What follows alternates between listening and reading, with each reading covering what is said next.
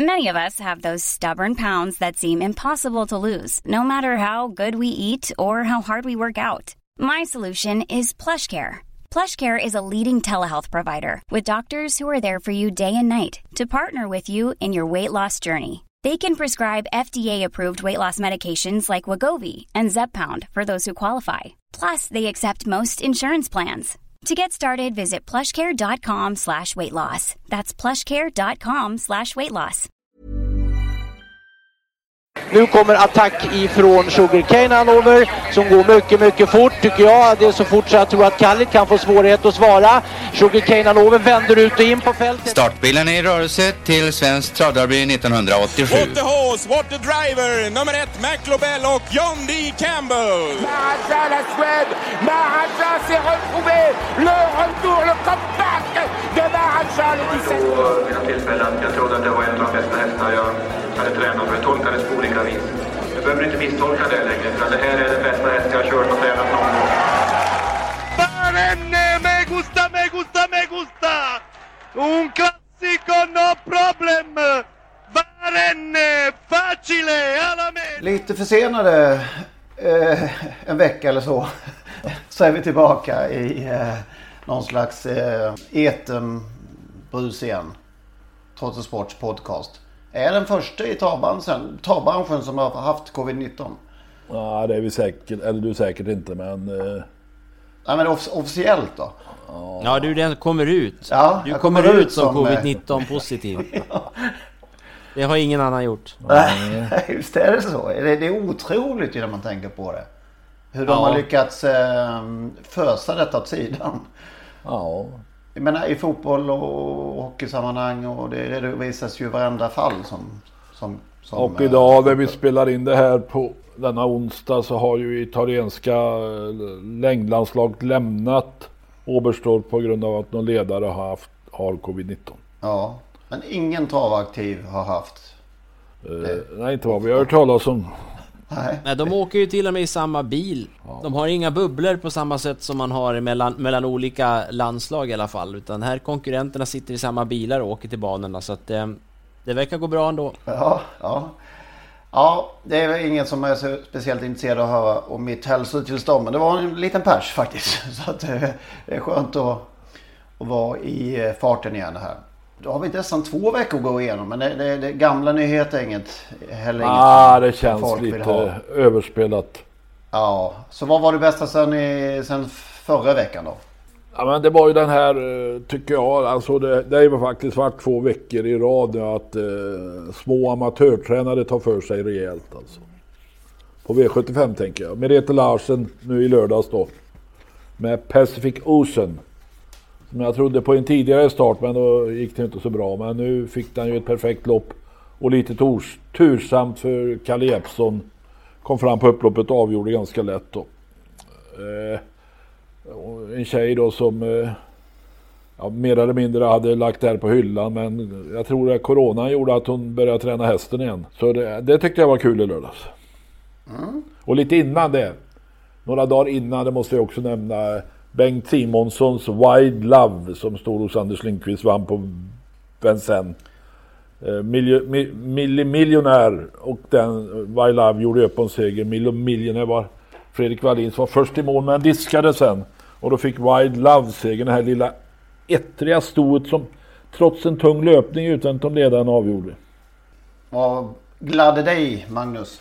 Ja, jag, jag landar nog i att eh, den här Oxidizer som vann igen nu på V75 Det är en väldigt spännande häst tycker jag som ju eh, bara än så länge är i bronsdivisionen Men det känns som att det där är en häst som vi kan få se mer av Den är lite spännande tycker jag Blank och, blank och fin. Ja, blank och fin alltså. Blank, blank som en säl brukar de säga. Ja. Och den här David Persson tar ju för sig allt mer och på lördag har han nog en ny V75-vinnare. Det räknar i alla fall jag med. I och för sig var det ju det här nästan två veckor sedan då. Men jag undrar fortfarande lite grann vad de här bröderna Golgini eh, snicksnackade om på vägen hem från Mantorp. Ja, skulle man, man skulle lite grann vilja varit en fluga på vägen i, i, i bilen där. ja och lite kul då. Ja, på något sätt, eh, som sagt nu är det ju ett tag sedan. Men den där, det var en slags symbol, den där handskakningen bröderna emellan kort efter mål som ett och två där. Att nu är det en gång för alla sönerna som är där. Och det, den mediale, hur vi nu ska uttrycka det, Ludvig Olgini och på banan existerande är nog ett minne blott. Nu är det, nu är det Adrian och Dante som gäller. Ja, så är det. Jag såg ju Lutfi igår tisdags köra den här 4,7 miljoners hästen i ett kval på Jägersro. Och ja. nej, det såg inget bra ut. Det blev dubbla, dub, flera ytterligare, ytterligare ett bevis på att eh, vi kan tycka att eran är över.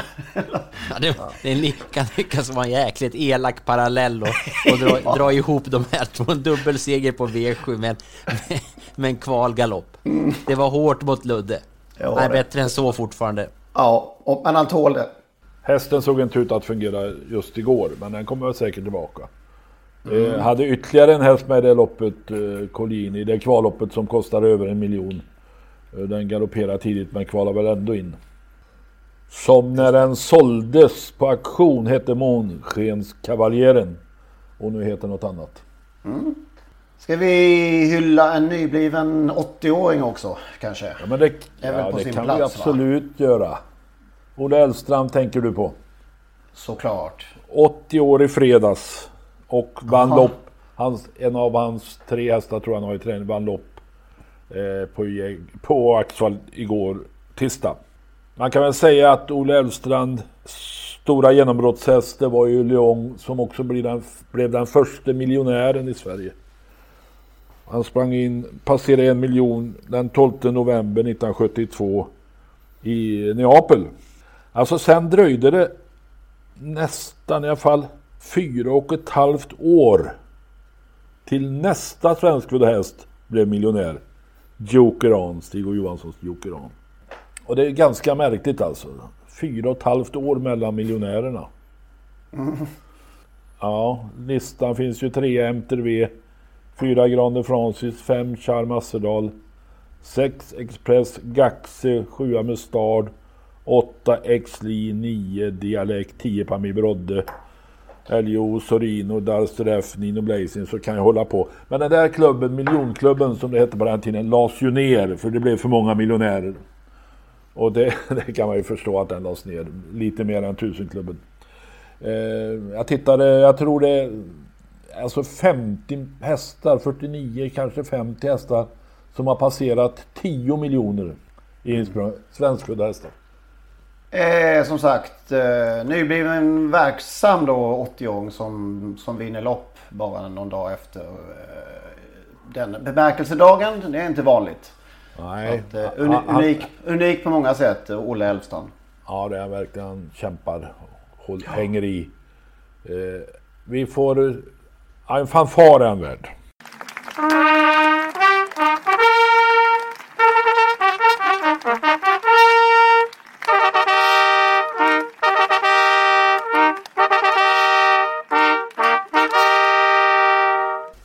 Mer positivt, eh, ni som har kollat in ATGs eh, årsbokslut.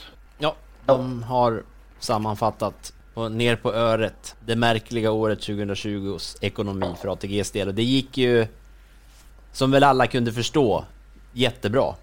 Så det blev ju ett rekordresultat. En ökning med 21% på nettospelsintäkterna och det har vi väl aldrig, naturligtvis aldrig hört tidigare. Nej, det är enastående. Eh, man lyckas utnyttja den här situationen med coviden på ett, på ett eh, bra sätt. Eh, så att det har de verkligen tagit tillvara.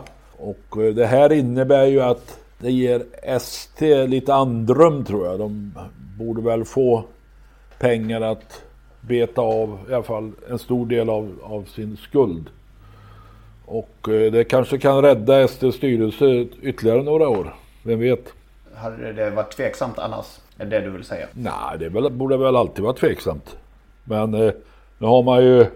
Ja. Det är lättare att motivera att välja om folk när det ser bättre ut i finanserna. Mm.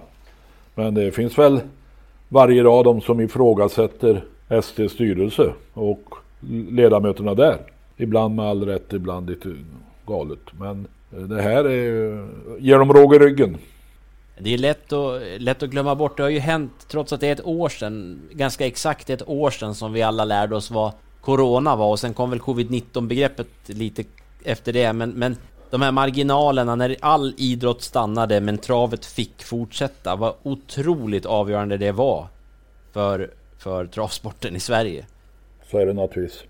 Det är ju, nu kan man, jag kan ju tycka att det är bra att man, man kan åtminstone mellan raderna kanske ana lite ödmjukhet eh, även från ATGs VD när det gäller de ord som kommer i de officiella dokumenten här för att man går ju inte ut och påstår att man är så fantastiskt bra och har blivit så fantastiskt bra utan det är... Alla förstår ju vad det här eh, fantastiska resultatet är ett resultat av. Det är ju... Det är ju att alla andra fick eh, vika in åren och bara ligga lågt ett tag. Mm. Och då att travsporten helt unikt då har varit helt förskonade från covid-19 på alla sätt, inte en enda sjuk person. Det är, bara det är ju faktiskt värt en, en eh, någon form av, eller på att säga fanfar, men det är framförallt för framtida bruk så är väl Anders Tegnell måste ju ta omedelbar kontakt med, med STs styrelse. Det här är ju, det är väl för, för världen helt unikt. Det är väl nästan bara Kina som kan tävla om det, att det inte funnits några Nord, Nordkorea, hallå där, Nordkorea. Ja, ja förlåt, jag, det, jag blandar ihop de där äh, ställena. Nej, men, men det är ju, det är kanske ett annat, jag ska inte byta spår, men det, du nämnde det nyss Henrik, och då tänker man ju igen, man har funderat mer än en gång. Det är ju, travsporten har lyckats få fortsätta, vi har ju pratat om det flera gånger. Och äh, det, är, det är fantastiskt att man har klarat sig utan sjukdom. Och nu finns det en stor plånbok som man absolut inte hade haft i alla fall om covid-19 inte hade kommit. Det är ju helt andra förutsättningar för travsporten, i alla fall på kort sikt. Sen är det fascinerande att, att så många har eh, blivit kvar även sedan den eh, vanliga sporten gick igång igen. Att, att, de, att V75-omsättningen har hamnat eller cementerats där den har, har gjort. Det är, ja, det, det är väl lite som att, faktiskt. att prenumerera på en tidning. Det gäller att få in jag kommer ihåg mm. när vi pratade på GP en gång i tiden att får man in dem i garnet så behåller man dem i 8-10 år i regel. Alltså. Hur gör man med, hur gör man med det är inga prenumeranter. De kan man ju inte binda upp på det sättet. Ja, de är väl prenumeranter om de spelar på ATG Live. Då är man väl prenumerant mer eller mindre. Mm. Ja. och sen är man med i ett tillsammansbolag kan man ju delvis bli som en prenumerant eftersom man kan auto, autoköpa andelar. Så där, där finns, men det är klart som du säger, det blir inte riktigt samma, men den här, men det... den här lojaliteten som, som Lennart pratar om, den är ju... Den är ju, gäller ju alla branscher egentligen. Alltså att får du in någon, eh, precis som Lennart säger, och, och de får en, en positiv upplevelse naturligtvis, eh, då blir man... Det krävs många dåliga upplevelser för att man till slut ska ge upp. Det är ju folk som hänger kvar i och prenumererar på tidningar långt efter de tycker att tidningen blivit dålig, för de hoppas ju fortfarande att den ska bli bra igen. Vi kallar det kund istället då, så blir det enklare, Henrik. Ja, de hade ett tag kallade ju ATG sina kunder för medlemmar också. De hade en period när de gjorde det. Ja, just det. Så att, nej, men det, som du säger Henrik, det, det, det, var ju den här farhågan, den, den skriver ju även eh, Lord Skarplöt om i, i sitt, sin kommuniké kring det här med, det är väl VD-orden angående det ekonomiska resultatet, bokslutet här då. Och eh, de var ju oroliga för att, att när alla andra sporter skulle komma då, det här fjärde kvartalet, att det skulle eh, bli en tillbakagång för travet, att man skulle tappa den här ökningen, men det gjorde man ju inte, utan man gjorde ju en 21-procentig ökning gentemot 2019 i alla fall på fjärde kvartalet då, när det kom till nettospelsintäkter och det, det höll ju kvar sig liksom. Det, det, sen är ju frågan nu då på, på, lite längre sikt, kan man, kan man få till det här? Att, att det som, blir som Lennart säger då, just detta med att man har dem kvar i garnet. Då är det ju, det är ju, vore ju fantastiskt för travsporten naturligtvis. Det är ju, det är ju en otrolig bonus. Har man hamnat på en ny platå som det heter. Ja, precis. Och intressant var ju i det här också att, att eh, Skarplöt berättar om ju att andelen, spelandelen då han menar på att, att eh, den här pandemin då har dragit, eh, snabbat på processen med digitalisering. Och i travets fall då så var det ju 75% av omsättningen förra året som var kopplat till andra kanaler än de drygt 2000 ATG-butiker som finns. Så att eh, de här butikerna får ju mindre och mindre betydelse. Det har vi ju vetat länge, men nu är vi liksom uppe på 75% av omsättningen. Oj, det är så pass alltså. Ja, det är fascinerande. Uh, något mer att säga där? Ja, man kan säga att, att Lord Skarplöt, han, um, avslutar ju med att konstatera att V86 är större än Stryktipset och det erkänner han att han tycker att det är roligt. ja, vi kan uh, förstå det. Ja, det är, ju, det är ju faktiskt fascinerande när man, när man tänker tillbaka på hur ATG har kämpat med denna onsdag. Ja. Under så många år, Riks V5 och V64 och vad hade, jag, jag har till och med glömt bort vad alla de här olika spelformerna på onsdagar har hetat. Men, men här har man ju hittat en spelform som faktiskt fungerar.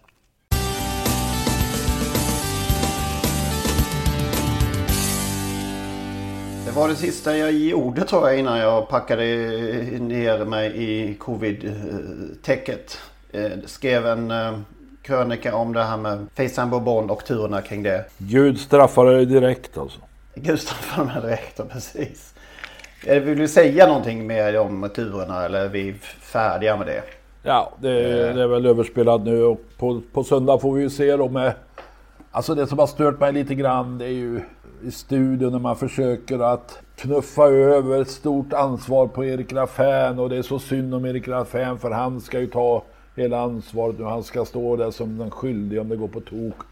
Alltså Erik Raffin har kört hästen två gånger och vunnit båda gångerna. Han är en av världens skickligaste kuskar på Vincennes. Och för honom är det inga problem och skulle han köra bort sig och bli av med, med den styrningen så det är heller inte hela världen för han har massa andra fina hästar att köra.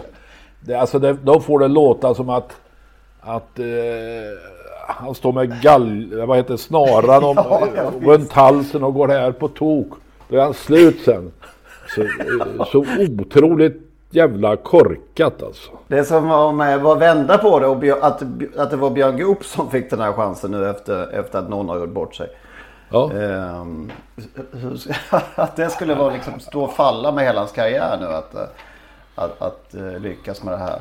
Ja, det, är, det, är, det är helt otroligt. Ja, men det är väl också så att de har ju också kallat eh, Facetime Bourbons ägare för både det ena och det andra också. Så att han är ju mer eller mindre beskriven som en galning och att, det, att köra häst åt honom då ska ju vara så oerhört svårt så att om Raffan då inte vinner på världsrekord nu, då är det inte bra. Nej. Och riktigt så blåst är ju inte den här ägaren ändå. Det är... Nej, men, och blir det så så tror jag ändå Raffan tar sitt röd, glas rödvin på kvällen där. Att Alltså det, det är inget som bekymrar dem över, höv, bekymrar dem över hövan. Sämre kuskar har fått köra flera Men det blir så korkat. Ja, det blir så, eh, alltså man... Eh, är de då... Eh, det blir något sånt där som mellan Sverige och Norge i skidor. Jävla tjafs alltså. Raffin är lika bra som Björn Goop på Vincennes. Och uh, han kommer klara detta galant och gör han inte det så finns det andra hästar att köra och det finns andra kuskar som kan köra Facetime Blue stå på beläggarna med jag, jag kan tänka mig att eh, Raffan kan vinna med Facetime och Barn faktiskt. Tror du verkligen det? ja, jag tror faktiskt det. Ah. Då ska han ha bragdguldet ju. Som förste fransman. Årets kurs ja, på nästa, eh, nästa års eh, travgala i Sverige. Ja, jag tror det kan gå vägen faktiskt. Ja, ja. ja det blir spännande i alla fall. Ja, du stack ut hakan där Henrik. Det var ju giftigt med tanke på vad du har gått igenom senaste dryga veckan här nu. Att du är beredd att ta en sån risk. Ja, ja visst, visst, visst. Ska jag säga det om din, din text där att den blev ju väldigt eh, läst. Det är väl den mest lästa text som vi har haft sen vi vevade igång trottosport.nu. Ja, det var Den sköt väldigt fart. Det var många som uppmärksammade den och spred den vidare så att det mm. var... Det var riktigt skoj. Ja, det var det faktiskt. Man kan säga det också i, bara i sammanhanget, det som kanske inte har tagit upp sig jättemycket. Att det är ju samma ägare då som, som Björn Goop eh, tog in eh, Vivid Vice Ass under Elitloppsmånaden i fjol. Ja. Det är alltså so sommar även där. Eh, det är väl ingen som har kanske eh, uppmärksammat direkt. Nej. Så får var och en dra sina egna slutsatser. Ja, man kunde väl ana att det kanske inte bara berodde på en enstaka styrning. Eh, att det blev som det blev nu. Och vad det nu var. Precis. Vad möter den på, på, på söndag? Är det no någonting emot? Ja, han, om jag minns rätt så har Facetime Bourbon vunnit det här loppet två gånger om va? Två mm. år i rad. Och, Prix de Selection eller vad heter ja, det? Ja, något sånt. Ja. Eh, och eh, att vinna tredje gången är ju nästan omöjligt gissar jag. I alla fall med Erik Raffin som kusk. Men... Eh, eh, Eh, Vi ska titta här nu. Ja, Frisbee Dam där va. Westerings snabbe häst. Som är aktuell för Elitloppet. Men i övrigt, ja, ja, ja. Han möter inga stjärnor kan man säga. Nej. Mer än den här Frisbee Dam som kan rusa iväg rejält. Alltså. Med 2200 meter. Ja, Erik Raffin har nog det i sin ficka. Och vintermeetinget är ju över nu va? Ja, det kan man väl säga. Det, Mm. det blir, återstår ju det här loppet och så sen i Cannes då, mitten på... Det är ju fantastiskt eh, på många vis. Det är ju på eh, en del sätt en värmedyna i tillvaron under denna mörka tid. Men när, när, det, när det nu är över så innebär det ju att livet på många sätt kan få sticka fram sina tår igen. Så det, det, det är ju Ja. en eh, viss förtjusning också att det är slut. Det har ju varit betydligt mindre svenska framgångar eh, i Frankrike under vintern än tidigare vintrar. Och vad det beror på det vet jag faktiskt inte. Det kom ju några eh, segrar på slutet här. Malmqvist hade ju två hästar som vann. Det är, nästan, det är lite nästan Thomas Malmqvist som har räddat, räddat äran. Ja, det är det. säga så? Jag tror Björn Goop har vunnit sex eller sju lopp under hela vintermeetinget.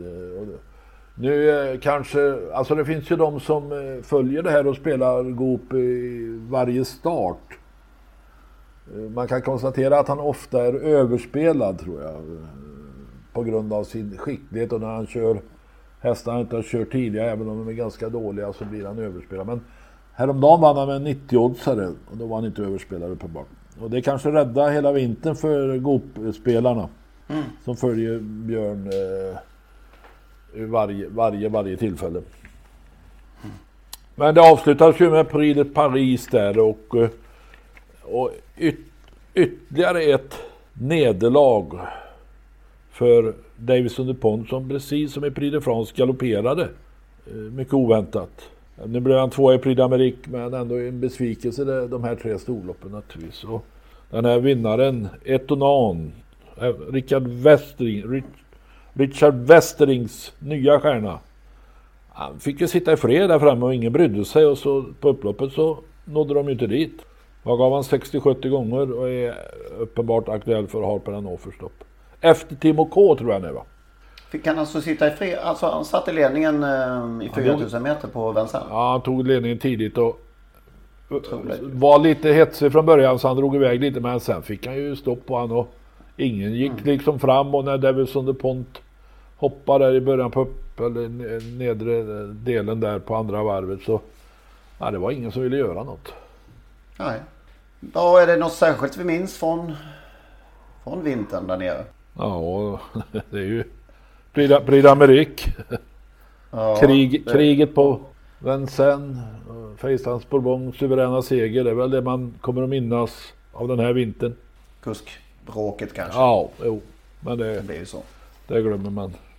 Ja, jag minns ju huvudstarten också i det samma lopp då för att Ja, ta just något annat. Den överlyckliga huvudstarten, det som man tror att han hade lirat på hur många starter det skulle bli.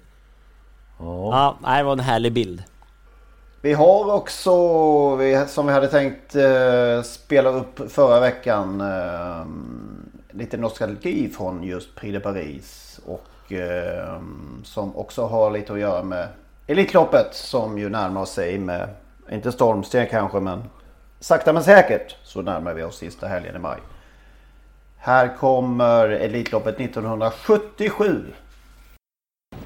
Startbilen har satt sig i rörelse redan.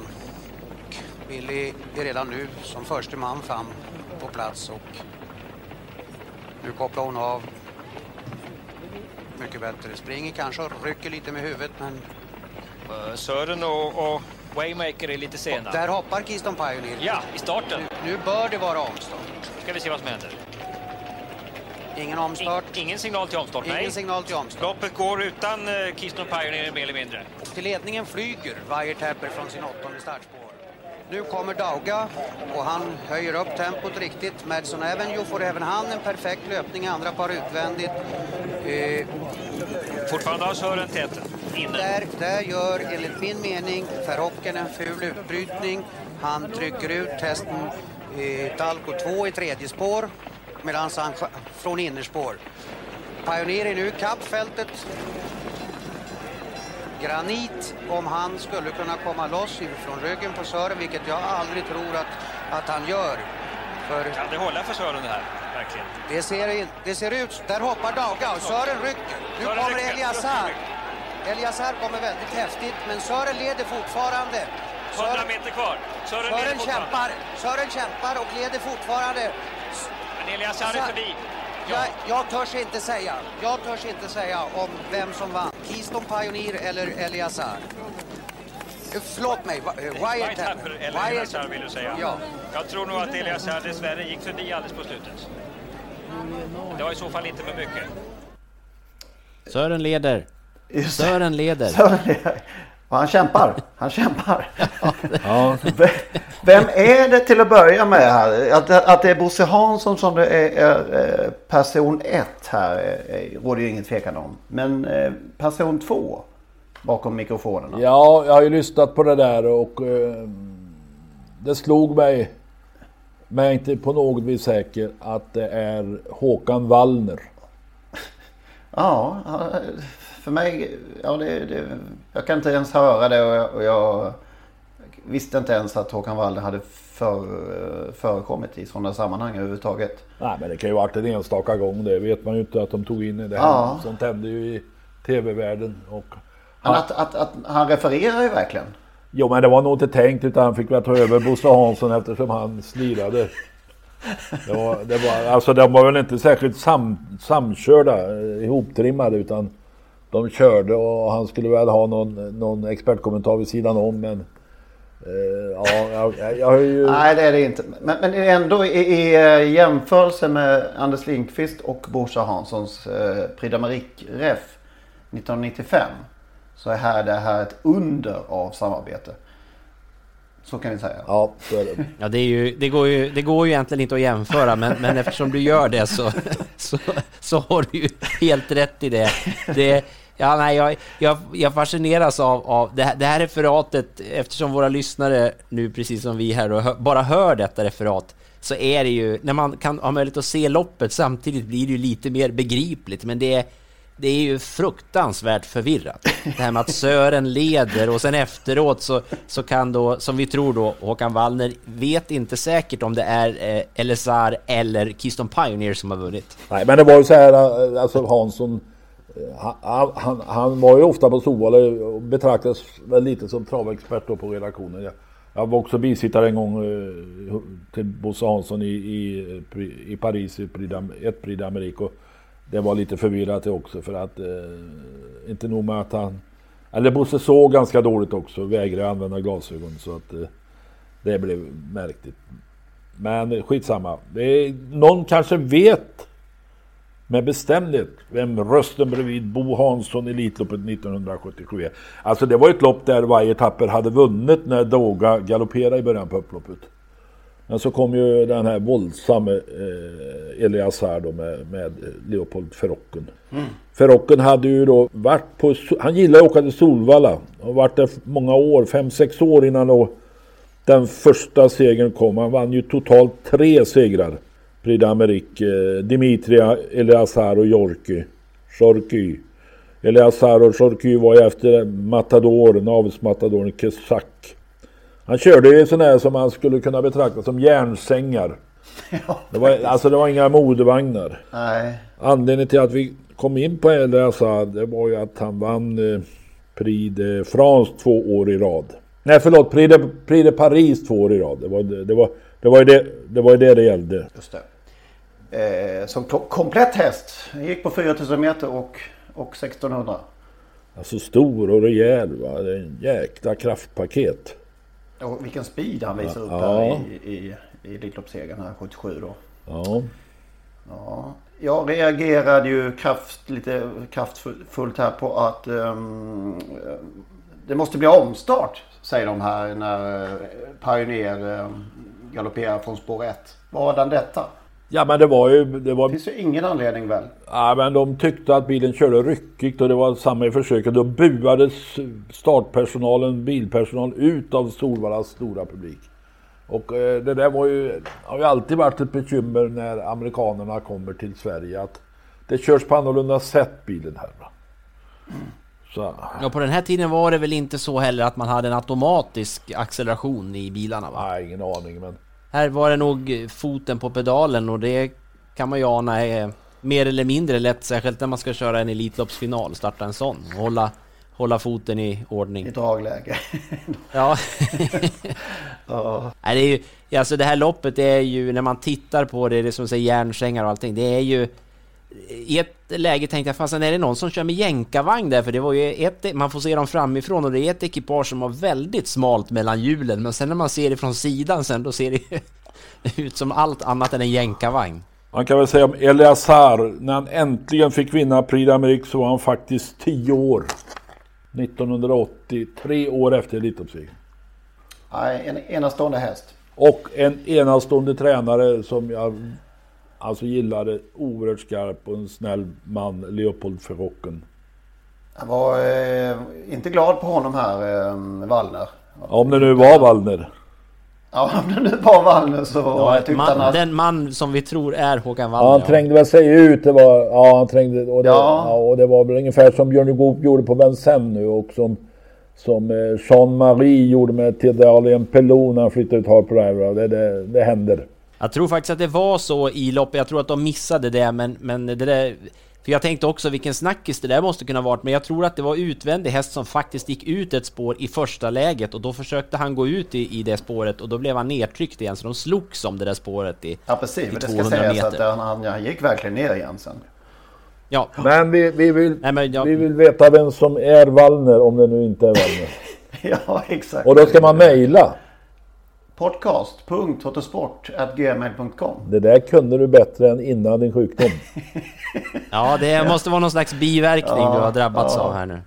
Jag måste kommentera om det, så här jag tänkte om det nu är Håkan Wallner. Jag, det enda jag, jag tänkte så här, det måste gå att hitta en intervju med Wallner så man kan höra hur han låter. Det kan du säkert göra. Det enda jag hittade var, ett, det var en intervju på engelska med Håkan Wallner och eh, jag fick känslan också att det är Håkan Wallner vi hör i det här referatet. Men även här tänkte jag, det är fasen att det ska vara så svårt att ha kvar grejer i travhistorien så att man kan ta, ta del av det efteråt.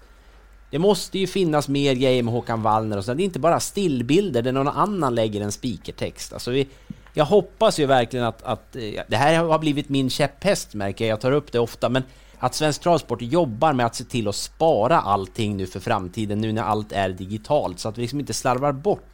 Ja. Jag var ju helt stressad när jag fick veta att Romme hade kastat alla sina videoband. Jag var inne och frågade en gång, har ni kvar alla loppen som ni har spelat in? Men nej, de har vi nog kastat bort. Gamla travlopp. Det kommer alltid nya. Jo, ja, det är ju det, men jag är, där är jag ju, jag älskar att kunna gå tillbaka, det var ju så det började en gång i tiden för mig, att kunna gå tillbaka, lära mig travhistorien bakifrån och förstå stamtavlor och sånt där. Det, jag vill ju tro att någon mer måste kunna vara så nördig som jag. att du inte är ensam. Utan långt ifrån. Jag tror många skulle uppskatta eh, någon form av eh, nostalgiarkiv eller vad man ska kalla det för. Vad var det vi kastade bollen? Var det till Travmuseet? Jag tror att det är de som har, vi har gett dem bollen just nu i alla fall, så att de har Just- ansvaret just nu tills har vi... vi- säger något Man annat. kan ju säga Magnus om, di, om din, din uppfinning i livet, eh, Travnet, eh, eh, när det såldes och då, då alla texter och så eh, makulerades ju. Ja tyvärr, det är ju, jag påstår ju att jag har skrivit en massa saker men jag kommer ju aldrig kunna bevisa det. Och det, kan, det, Jag har kan, något det kanske kvar, du ska va? vara glad för i och för sig. Men. Ja, ja, det är lite både och det där. ja. Nej men så är det. det. Det är just historien är, man ska vara rädd om den. Man behöver inte bli nostalgisk i överkant kanske, men det är ändå rätt bra. Som i det här fallet till exempel. Rätt vad det är finns det ju ingen som vet vem som satt bredvid Jo då, vi ska ta... Ja, nu litar vi på våra lyssnare. Vi har ju så många så att någon måste ju veta. Men, eh, mm. Gjorde han någon segergest förresten- förresten, eh, för rocken? Det kan, det kan vara nästa fråga. Ja, nej, men det gjorde han inte va? Nej, Han var så hårt i mål så att han vågar nog inte nej, chansa där. de Eh, gjorde inga segrar. Det är- Nej, det gjorde de ju inte. Det- Den där gjordes den första överhuvudtaget Ja, det är det, det, det, är det vi vill veta.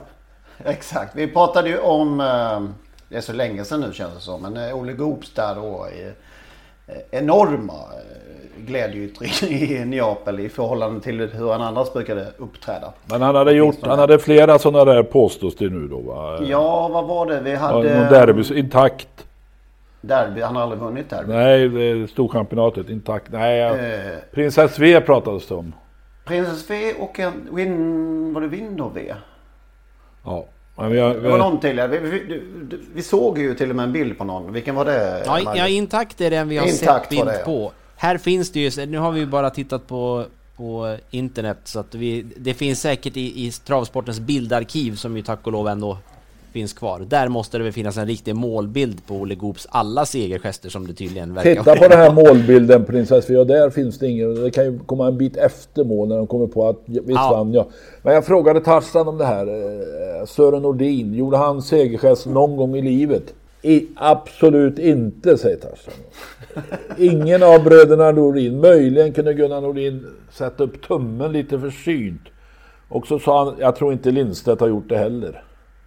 Nej. Men Ibland har man ju sett dem höjer på högertummen lite grann så i någon form av segergest. Men då är frågan, sen fick vi någon kallblodskusk som brukar göra segergest när det var ett varv kvar. Ja, eller vinka till publiken. Ja, ja det kan man ju göra. Men det här Det med, med eh, alltså den som leder segergestligan det, det är ju ändå Peter Untersteiner, ganska överlägset gissar jag. Men eh, när, vem var den första och när kom det till? När gjorde Stigå sin segergest första gången till exempel? Alltså den, eh, den har jag en kraftfull gissning på ändå. Ja, Eh, Det måste, måste det inte ha varit i Elitloppet sju- 87 med Jutta Boulevard. Ja, jag tittar på det och det kanske var så att han gjorde det strax efter mål där. Där, gjorde, där är den ju. Och jag kan inte se framför mig att han gjorde någon före det. Men då var jag tre år före Stigo. Ja, just det. Jag gjorde nämligen segergest när jag vann amatör-SM där 1984. Var det din första då? Segergest? Ja. Jo men, alltså någon måste ju ha gjort det innan mig för annars hade jag inte kommit på att jag skulle göra segergest. Så att jag måste ju ha sett någon annan göra det. Var det din första 84? Ja, det kanske var när jag vann mitt första lopp med klammer. Men... Eh, du ser. Nej, jag vågar inte. Jag ska titta, jag har en tavla någonstans på klammer. Jag ska titta efter. Men jag måste ha sett, lärt mig det av någon annan. Podcast.totosport.gmail.com Vem gjorde den första segergesten i, Sverige? Stavhistoria. Ja, det bara att mejla in. Ja. Alla... Ja. Men eh, eh, har någon annan, någon, någon annan uppfattning än vad jag hade vilken som var Stig Johanssons första så går det och hör av sig om det också.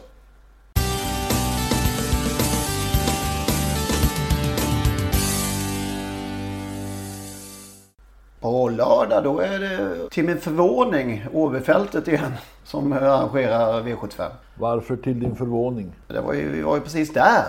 Alla 15 hästars fält och open stretch och man blev alldeles vimmelkantig. Men nu var det dags igen. Ja. Ja. Ja, vi får en ny chans och de har tagit bort lite hästar i några lopp här nu. Det är väl det de är rädda om den här ekonomiska utvecklingen så att för att inte folk ska sluta spela på trav så måste det bli lite lätt en gång. Ja, precis. Och så ska Om det nu gav något resultat. Algot Scott hedras. Algot Scotts minne. Ja, vem är då den? eh, Vem var denne man? Skåning som kom till Åby. Och champion på Åby från 43, 1943 till 1962 med ett en, alltså det kunde varit en radda men det var ett hack i skivan när Fritz Ekberg blev champion 1955. Algot tog 19 championat på Åby. Han vann allsvenska eh, kuskligan, inte skytteligan, kuskligan 12 gånger mellan åren 43 till 57. Några, några hopp där Sören Nordin vann 54-55, Birger Bengtsson 1956 och Algot Scott kom tillbaka och vann 57. 12 totalt. 1949 vann Algot Scott 82 segrar. Han vann allsvenska kustligan på 82 segrar. I, idag krävs det 400. Men utav de 82 segrarna, och lyssna nu ytterst noggrant, så vann Algot 80 segrar på Åby. Oj, oj, oj. Ja, ja det är mä- mäktigt. Algot lämnade sällan Mölndal. Han kunde åka till Axvall någon gång, han kanske kunde åka till Årjäng någon gång på sommaren. Men 80 segrar på Åby, 82 segrar totalt i Allsvenska kuskligan. Och hans stora seger var ju naturligtvis 1966 med Orlof i Åby stora pris. Olof var en, en, alltså en utdömd häst egentligen som Algot fick i träning. Eh, och utvecklade till en topphäst och han slog då Moneymaker och, och eh, Bernt Lindstedt höll undan till ett enormt jubel på Åby. Hette den Moneymaker? Eh, Nej, det heter inte. Eh, Vad heter den? Stall Segeruvas eh, Bernt Lindstedt. ja, det. ja, det kommer om en stund. Det kommer man en stund, göra. gör det. Lindst, eh, Lindstedt berättade eh, vid något tillfälle för mig att eh, eh, han var väldigt god vän med, med, med eh, Algot Scott och när han gästade Åby så blev han hembjuden på mat innan, eh, innan tävlingarna eh, hos Algot och hans fru som bodde en bit från Åby, inte särskilt långt ifrån Åby. Eh, Så att eh, de var goda vänner. Men det här, eh, då, då stred de om seger 1966. Orlof. Eh, Moneymaker. Ja. Varför, Ja, då, den heter ju Varför? så som det borde varför stavas. fick den inte heta Moneymaker? Ja, det, eftersom det funnits en till, en till sen. Ja, men den kom, Men- den kom men senare. den- det här är, måste Den ju... heter Money, Moneymaker. Ja, just det. Moneymaker. Det var ju Stad Segeruva och blev ju sen avelshingst där va. Och det var under tiden gissar jag då som Bernt jobbade hos uh, Wallenius istället. Privattränare hos Stad Segeruva. Så var det med det. Vilket, vilket sist, var det sista året han blev eh, eh, allsvensk champion? Ja, vilket år var det då? Det var eh, 1957. Då hade han ju tappat där tre år i rad. Då kom han tillbaka och vann sitt sista. 1957. Okej. Men Det är alltså... Skåning, han var, var han från Malmö alltså? Ja, han var skåning när han kom till Åby. Och jag tror han började hos eh, Ragnar Thorngren men blev sen eh, sin egen och arg konkurrent med Ragnar. Arg. Han var lite ettrig den där Algot Scott. Men eh, flyttade sen upp till, eh, upp till eh, Norrland någonstans, det här Hoting. Där han ligger begravd i närheten och jag har varit där vid graven ihop med Claes Fjärrstrand. Han ville visa, eller han ville titta på Algot Scotts grav. Ligger den eh, alldeles i närheten av travbanan? Ja, det vill jag minnas att det var. En av avkommorna till Moneymaker, ganska fint namn eftersom vi då och då pratar om namn, som heter Tafatt. Trivsamt. En annan heter Bussarong. Hoting i Knottens förlovade rike. Ja, där ska man Det glömmer jag aldrig när jag var där faktiskt. Eh, någon gång på 80-talet. Och på lördag är det alltså Algot Scotts minne. Vem vinner det då? Gulddivisionen. Det var väl kanske inte den jämnaste vi har sett. Nej. Nej, men man har ju sänkt medelåldern rejält den här veckan i alla fall. Så att den är ju långt under 10 år. Jo. Så att det är många... men, men många hallå, är det en, en hästar. 12-åring som blir favorit tror jag. Ja, det blir en. Flight so easy.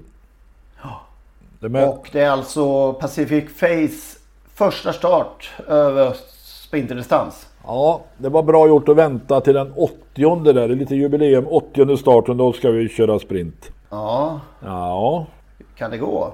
det är klart. Nej, jo, det kan inte. Ja, bara alltså det är ju ganska ihåligt lopp. Han behöver ju, Ja, det är ju några passera men... eh, Ja, varför kan det inte gå? nej, nej kanske. Det är ihåligt. Dåliga hästar, många dåliga hästar som man kan runda ganska enkelt. Ja, Ah, du håller på eh, Giuseppe. Ja, jag gillar ju Giuseppe och jag gillar Pacific Face. Vad var är din lösning på loppet, Magnus? Och ja, ja, ja. Nej, jag, jag vet jag- Så här ska jag säga. Jag tycker här, jag tror... eh, Jag tror, känns ju som att Sli- Slide So Easy ska vara första häst. Men... eh, Och det ska bli kul att se Baron Gift tycker jag som ju inte... Hade väl lite överträningsproblem mot slutet av förra säsongen. Och nu säger ju Rickard Svanstedt att det här inte blir... Han kommer att ta det väldigt lugnt och så vidare. Men, men eh, spontant tyckte jag att det kändes väldigt spännande med Bar- Baron Gift i det här loppet. Det är så kul att se honom. Jag gillar Baron Gift och... Eh, det kanske inte blir den här gången han vinner då, men... men ehm, ja. Det, det känns ju som Fleming. Det får man väl ändå. Det, det är inte jätte... Jag gissar att Floris Baldwin kommer att få en hel del röster också. Eh, efter alla prestationer tidigare för den här pre- prestationen senast från tillägg. Men det är väldigt ihåligt som, eh, som Lennart säger. Jag eh, har ju tjatat, kanske inte i podden, jag vet inte. Det kanske bara var att vi... Nej, det är- e- Du har, egna... du har suttit i din egen säng i en vecka nu och tjatat om någonting. Ja, precis. Nej, men tidigare V75-start här på MT Oscar. Och nu satt han ju fast eh, senast, fick inte chansen här. Och nu tyckte jag vid en första anblick att det här loppet såg inte så, så speciellt hårt ut. Jag rankar sjua här i tror jag. Vilken, uh, vilket lopp pratar vi om? Uh, V75 5. MT Oscar. Ja. Då tycker jag att uh, nu är det dags bara. Ja, okej. Okay. Jag tycker den är som mycket, bästa hästen. Ja, ja, jag tycker de är rätt så bra. Billy Time och Noba Mom där men... Jag kan inte den här åttaårige SJs fotodansken faktiskt måste jag erkänna. Bara massa vinster ser jag. Ja, men 1600 meter i, på Ålborg. Jag vet ja, inte. Ja. Skräck, inte jätteskräckinjagande spontant. Men... Eh... Nej. Nej, men det, det, är ju jätteintressant. Alltså det är ju, det är ju fruktansvärt intressant när de är, om man tror på hästar som är lågt rankade. Eh, min vinnare den här omgången den är rankad lite olika. Etta i årprogrammet, tvåa i travronden och sjua, åtta i guiden har jag sett.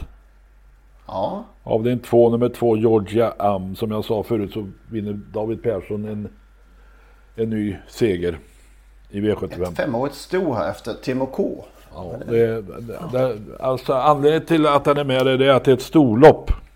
Mm. Nej men den där, jag tror den har varit lite seg och lite trög och sådär. Men nu blir det barfota och grejer och eh, nej den där kommer springa en bit under 15, någon tiondel runt 15 där och det blir svårt att ta 20. Mm. Stefan Persson litar vi på. Och då har vi inte ens släppt, knappt släppt in eh, Stålbergs nej. vinnare. Nej, vi höll honom utanför den här en stund. Ja, en stund. Ja, jag, jag, för, jag, förstår det. Jag har ju varit i källan. Jag är tacksam för att ni redan har liksom lyft fram några här. Det har ju varit några veckor av fullständigt V75-mörker för för undertecknad här. Det blir ju så. så. Att, eh, det blir ju så ibland. Det är dags att vända. Det är omöjligt att inte, att inte vara där ibland. Det är faktiskt ja. det. Ja. Nej men vi rycker skorna nu på alla möjliga vis och eh, jag tycker att i V751 så är jag jättenyfiken på Lars Fribergs Aron Palema. Stefan Persson kör. Det är ju så silverdivision med voltstart. Eh, bara det gör ju att allt kan hända känns det som och eh, jag vet inte, det, det, är nästan så att Mr Clayton JF kommer att bli favorit med Örjan från springspår där och det, oh, det är inget fel på Mr Clayton JF på inget sätt men det säger ändå lite om att det här inte är en jätte, jättebra silverdivision och eh, Aron Palema tycker jag är jätteintressant. Sen hade ju vi då en vinnare där från Lennart i avdelning 2 så då hoppar vi du, över Får jag bara säga en sak att Aron Palema Ja. är rankad 10 i Åbyprogrammet. Bra! Jag vet inte, det- Fölet har haft, eh, har varit pappaledig. Kanske har förklaring här i att han är lite ringrostig. Ja, Georgia Am har han singelsträckad om det nu är han som tippade.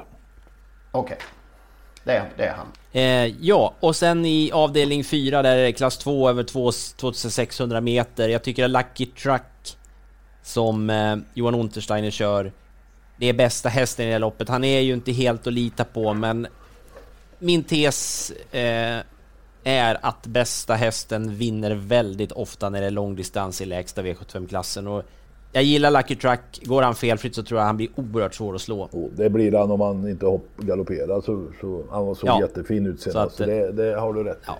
Sen eh, hade vi en vinnare även där, eller ni pratar ju ja, MT Oscar där, så vi hoppar över avdelning 5, även om jag känner att jag vill lämna två hästar där. Vi brukar ju snöa in på namn där, men vi har ju två ganska speciella namn i V755. Det är dels nummer 5 Per Ubo, eller Ubo.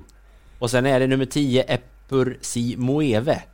Och då känner jag att vi ska allmänbilda alla lite grann här. Vet, vet någon av er, Lennart och Henrik, vad de här betyder? Var det kommer ifrån? Inte en chans.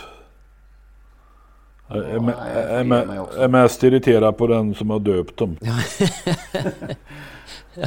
Den här, om vi börjar med den här Per Ubo så, så är det alltså en... Ehm, det finns ett rockband som, som heter, från 70-talet, sånt där experimentellt eh, rockband eh, som heter P, ja, Per Ubo då, men som då har tagit det här namnet ifrån, egentligen från början heter det Far Ubo. Och det är någon sån där grotesk rollfigur som är skapad av en fransk dramatiker.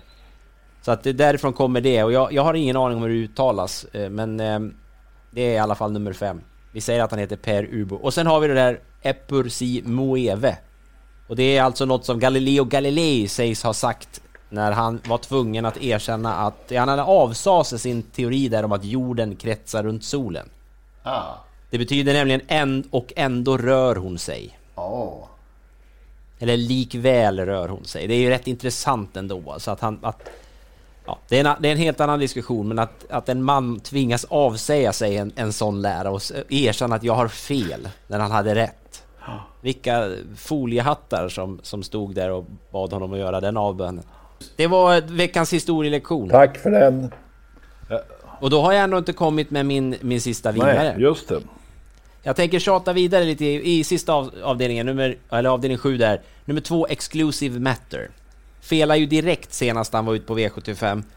Och eh, nu är det helt andra förutsättningar den här gången. Det är 1600 meter, det är bilstart, spår 2. Det är av med skorna och det är amerikansk sulky. Ja. Och det är alltså hela paketet. Och Ja, det är ranka, det verkligen. ranka nia. Ja, jag tycker att vi- det, det här är en häst som är på inget sätt missgynnad av 1600 meter och eh, från ett bra spår. Det, det är många fina hästar i loppet men eh, eftersom han är lågt rankad också så givet streck, en, en chans till ska han absolut få. Fan, det, Och det är Johan Otsteiner som både tränar och kör. kändes den ju plötsligt lite, lite puttrig den här omgången. Efter, Ja, det är ungefär som jag kände inför förra Ja, Åby-omgången. nej, men efter den här lilla genomgången här så tyckte jag att man... Det, ja.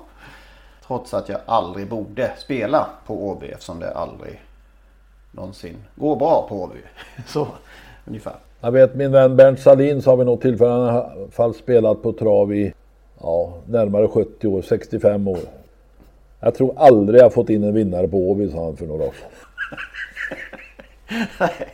Nej, men det är ungefär så det känns för mig också faktiskt. Det, det, då har det gått trögt för Salin.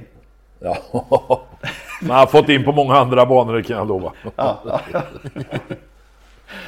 Jag kom på en helt annan sak när vi började där med att prata bäst i veckan och så vidare. Jag, jag vill faktiskt lyfta fram, eh, Tony Ryttar har en, eh, en fin intervju i eh, veckans travronden med Anna-Lena Ljunggren som ju för många år sedan vann, skrällvann Breeders Crown med sin Fortunado. Eh, och sen har hon ju helt försvunnit ifrån travsporten och eh, Tony har pratat med henne och hon berättar varför. Och det är, jag gillar, nu är vi där igen med den här historien att man eh, plockar upp de här grejerna som bara, det är mycket som kommer och går i travsport. Och eh, Fortunado var ju verkligen i ropet när det där inträffade. Jag hade ju aldrig vunnit lopp när de vann Breeders Crown.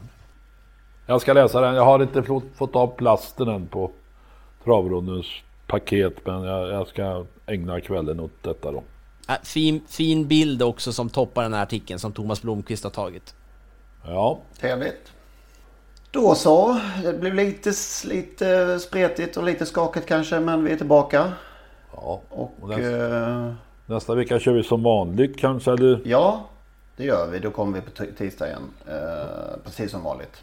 Så nu är vi igång igen. Ja, det är härligt. Ha det gott alla! Hej då! Hej. Hej.